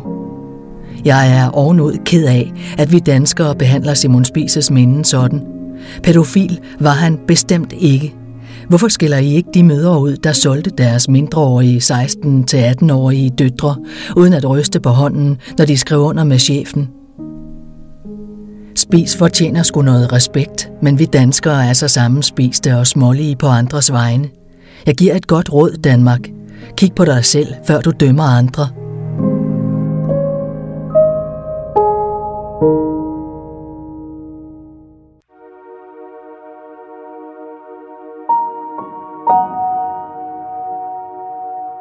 Mens det er Loud People, som har produceret Spis og Morgenbolddamerne, så er det DR, som har det publicistiske ansvar for udsendelsen af dokumentaren. Jeg har i forbindelse med denne episode af podcasten bedt DR's chefredaktør, han hedder Thomas Falbe, om en kommentar til oplysningerne om, at Charlotte skulle have modtaget betaling og en flaske vodka for sin medvirken i dokumentaren. Min mail til Thomas Falbe lyder således. Charlotte Fredericia Nielsen en af hovedpersonerne i DR's dokumentar Spis og Morgenbolddamerne, har både over for mig og to andre af hinanden uafhængige kilder, som jeg har været i kontakt med, fortalt, at hun havde tre krav for at medvirke i dokumentaren. Hun ville have sin hund passet under interviewet på Hotel Kong Arthur, og så ønskede hun 1000 kroner samt en flaske vodka for sin medvirken i dokumentaren. Charlotte Fredericia Nielsen har fortalt, at hun på det tidspunkt, hvor optagelsen fandt sted, var på et svært sted i sit liv, så hun drak en flaske vodka om dagen, og at hun ikke, citationstegn, gik nogen steder uden sin vodka, citationstegn, slut. Charlotte Fredericia Nielsen fortæller også, at vodkaen blev købt i en netto på vejen i taxaen til hotellet, hvorefter dokumentarens tilrettelægger overførte pengene privat, og de 1000 kroner blev ifølge Charlotte også overført fra dokumentarens tilrettelægger. Mit spørgsmål er, om det jeg har kendskab til denne udlægning fra Charlotte Fredericia Nielsen til i hvert fald tre personer, og om det er hvis informationerne er korrekte, ser et problem i dette bytteforhold mellem journalist og kilde i forhold til udsagnenes troværdighed samt det etiske ansvar for at passe på en følsom kilde, som drak 20 genstande om dagen, da optagelsen fandt sted. Loud Peoples direktør, Lav Rabia Eriksen, har tidligere offentligt i et åbent svar på Facebook-siden Hemmeligheden bag spisånden direkte adspurgt af forfatteren Eva Vedel afvist, at nogen af dokumentarens kilder har modtaget betaling for deres medvirken i dokumentaren.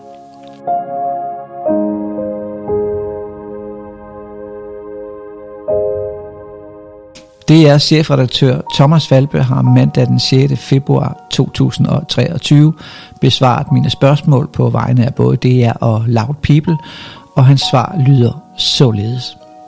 Citat. Kære Bo Østlund. Herunder svar på de konkrete spørgsmål, du har stillet til både produktionsselskabet Loud People, til Erling Groth og til mig. Vi udtaler os helt principielt aldrig om interne redaktionelle processer eller om medvirkendes sundhedstilstand. Helt generelt kan jeg oplyse, at Loud People ikke har betalt nogen medvirkende for at stille op i dokumentaren Spis og Morgenbolddamerne. Optagelser til dokumentarprogrammer er ofte omstændige og langtrukne, og der kan i visse tilfælde være tale om at dække udgifter til eksempelvis tabt arbejdsfortjeneste, transport og diæt for medvirkende. Alle eventuelle udgifter til medvirkendes transport eller diæter er bogført efter normal regnskabspraksis og udbetalt på regulær vis. Som nævnt vil vi ikke udtale os om medvirkendes sundhedstilstand, men vi har sikret os, at alle kilder var klar over, hvad de deltog i og kan afvise, at Loud Peoples tilrettelægger har overført penge til en flaske vodka i forbindelse med optagelser til dokumentaren. I dokumentaren medvirker en lang række kilder, hvis udsagn DR har vurderet som troværdige. Det gælder også den pågældende kilde.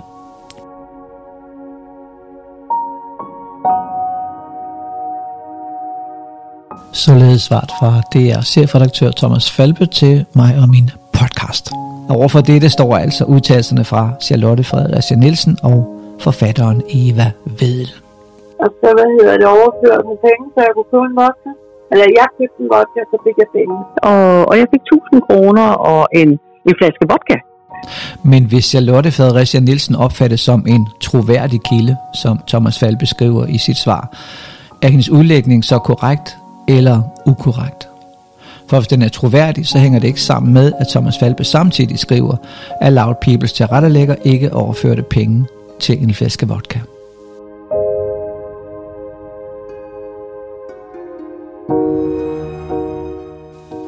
Thomas Falbe skriver i sit svar, som sagt, også, og jeg citerer, optagelser til dokumentarprogrammer er ofte omstændige og langtrukne, og der kan i visse tilfælde være tale om at dække udgifter til eksempelvis tabt arbejdsfortjeneste, transport og diæt for medvirkende. Alle eventuelle udgifter til medvirkendes transport eller diæter er bogført efter normal regnskabspraksis og udbetalt på regulær vis. I forhold til lige netop Charlotte Fredericia Nielsen var Charlotte ikke i arbejde, da optagelserne fandt sted. Taxaen blev bestilt og betalt direkte af produktionsselskabet, og hvad angår skattefri diæter, som kræver en rejse varer mere end 24 timer, så oplyser Charlotte Fredericia Nielsen, at hun valgte ikke at overnatte på hotellet, da hendes hund ikke måtte være der, hvorefter hun tog hjem og sov hos sig selv hjemme i Charlottenlund 10 km fra hotellet. Den bookede overnatning blev herefter ifølge Charlotte benyttet af en ansat hos Loud People. Ja, jeg kunne bare være blevet der i to døgn, men det gad jeg jo ikke. Jeg måtte ikke have min hund der sådan noget. Mm. Så jeg tog bare hjem. Men så synes det var åndssvagt, ligesom at der var to værelser, der bare stod og var betalt uden at blive brugt. Ikke? Mm. Selvom jeg synes, det smadrer hyggeligt at være på hotel, men når jeg ikke må have min hund med, så gider jeg ikke være der.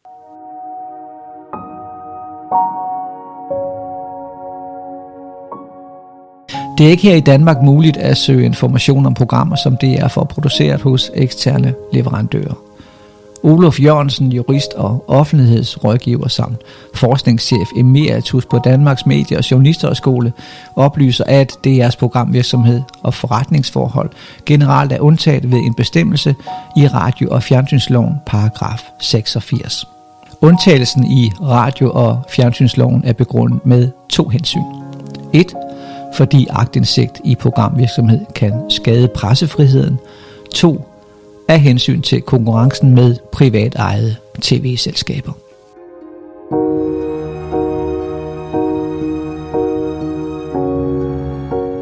Så vi de tørre regler om agtindsigt, eller skulle vi rettere sige manglen på mulighed for samme, som betyder, at det ikke er muligt at kigge DR nærmere efter i kortene.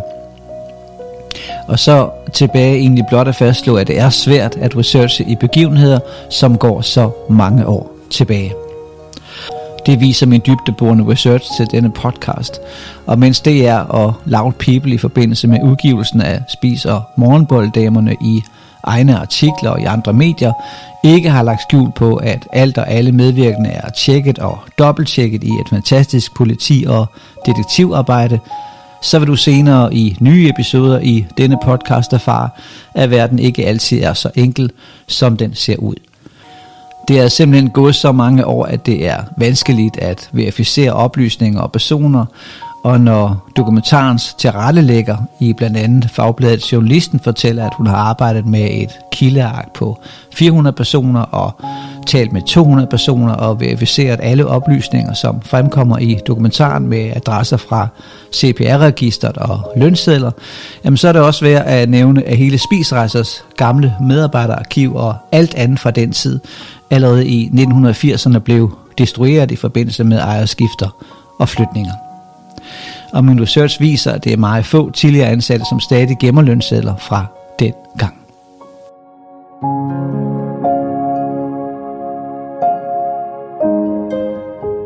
For gennemsigtighedens skyld, her hvor det lakker mod enden på denne første episode i min podcast, skal det også nævnes, at enkelte centralt placerede kilder fra dengang, som ikke medvirker i DR's dokumentar, drager tvivl om, hvorvidt Charlotte Fredericia Nielsen var faste morgenbolddame hos Simon Spis, fordi de ikke erindrer hendes rolle således.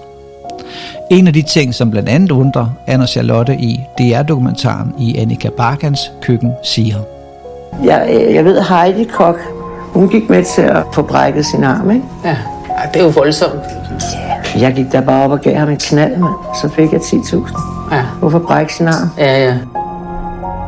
For de faste morgenbolddamer fik fastløn, hvor samværet med Simon Spis var en del af hyren, mens andre kvinder, som Simon Spis var sammen med, og som ikke var en del af den faste morgenbolddame, netop fik 10.000 kroner. Du vil senere i denne podcast erfare, at tvivlen er en nådegave, og at det er let så mange år senere at skabe sin egen fortælling om sin egen rolle dengang for 40-50 år siden. Hvor meget husker du selv konkret fra 1970'erne, hvis du levede dengang? Og hvor meget ville andre kunne undersøge om dine historier fra dengang holder vand?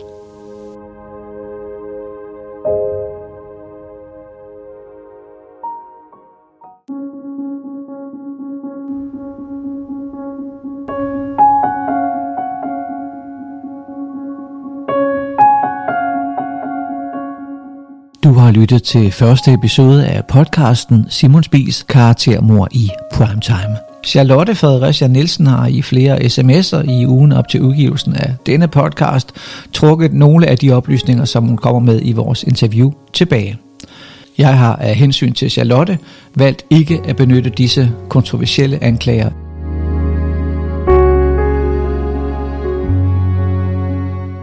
Jeg benytter i midlertid andre helt faktuelle dele af interviewet i podcasten, da der på det tidspunkt, da interviewet fandt sted, ikke var tvivl om, at der var tale om et interview til denne podcast. Dette blev Charlotte informeret om, ligesom hun også accepterede, at samtalen blev optaget. Og undervejs i interviewet oplyser hun mig da også helt privat om, at en specifik oplysning ikke må komme med i det, som jeg benytter i podcasten. Charlotte Fredericia Nielsen fortæller i det interview, som du hørte tidligere i denne podcast, også at hun ikke længere drikker, som hun gjorde, da hun blev interviewet til DR's dokumentar. Og det er da også min vurdering, at hun i dette interview i denne podcast virker både klar og fattet. Her hører du til sammenligning først Charlotte i DR-dokumentaren og bagefter i denne podcast. Og han var jo en voksen mand, der udmærkede, meget klog mand, der godt vidste, hvad han, hvad han lavede, ikke? men han var så også meget manipulerende. Ikke? Jeg ved også, der er flere af pigerne, der er døde af en overdosis efter. Nogle stykker af dem i hvert fald. Ikke? Der er ikke gået dem så godt, efter de har været morgenboldpiger hos Simon. Der er det skisma ikke gået dem godt, nej. Jeg har altid været min hensigt at sige noget dårligt, og det nægter jeg simpelthen også at gøre. Så derfor så, så er det svært for mig at forstå, at folk kan tro, men det er fordi folk ikke kender mig, at de kan tro, at jeg sviner Simon til. Så det er det sidste, jeg nogensinde vil gøre.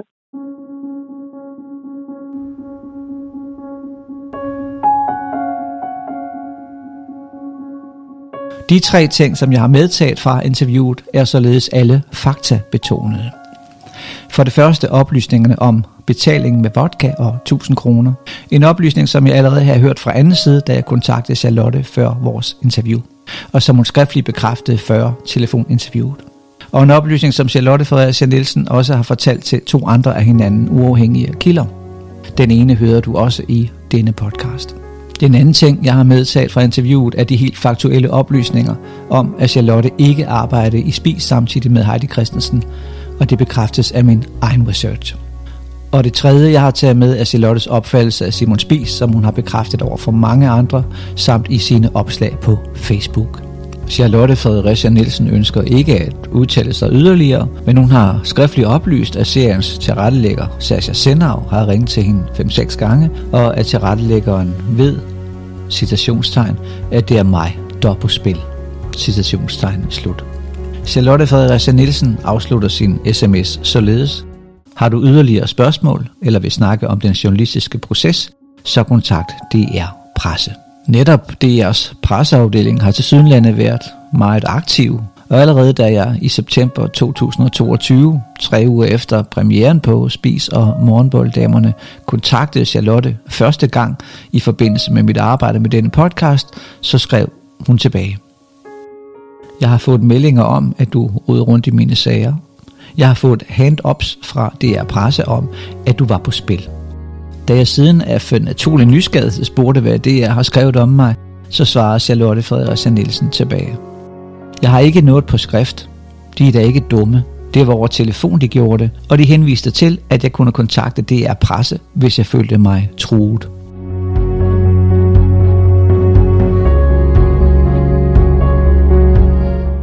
Det her er selvfølgelig et emne, som jeg vil bede DR om at kommentere til en senere episode af denne podcast. Jeg vil naturligvis også gerne spørge DR om det er almindelig praksis af DR's presseafdeling kontakter kilder til deres programmer og advarer mod navngivende journalister.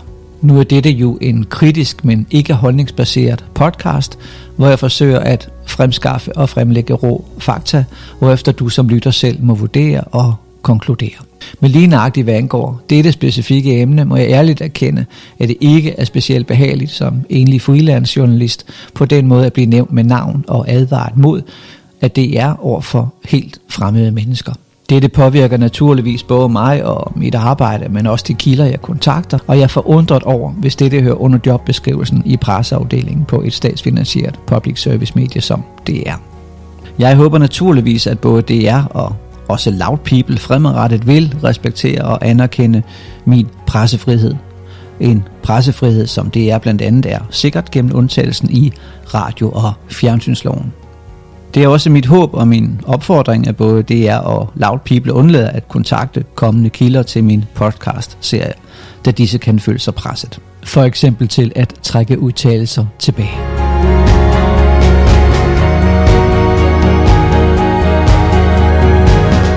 For mit vedkommende kan jeg i hvert fald garantere jer, kære lyttere derude, at der kommer meget mere kritisk journalistik og mange flere nedslag på fejl i Spis og Morgenbolddamerne i de kommende episoder af denne podcast. Og så må det så være op til DR, om de stadig mener hen ad vejen, at de har en dokumentar liggende af en kvalitet, som berettiger at ændre en afdød danskers eftermæle for altid.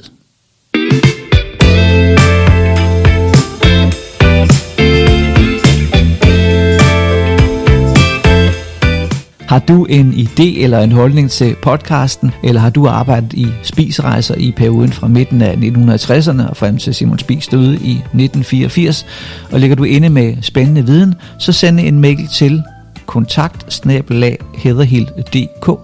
kontakt med K og Heatherhill staves H-E-A-T-H-E-R hedderhild.dk, eller skriv en besked på den Facebook-side, hvor du også vil kunne se masser af det materiale, som henvises til i podcasten. Facebook-siden hedder, som podcasten du lytter til, Simons Bis, bindestreg, karaktermor i primetime. På Facebook-siden vil du også kunne se en masse artikler, dokumenter og fotos, samt en masse ekstra bonusmateriale produceret som små filmklip. Så giv siden et like og sørg for at få besked, når der sker nyt på den.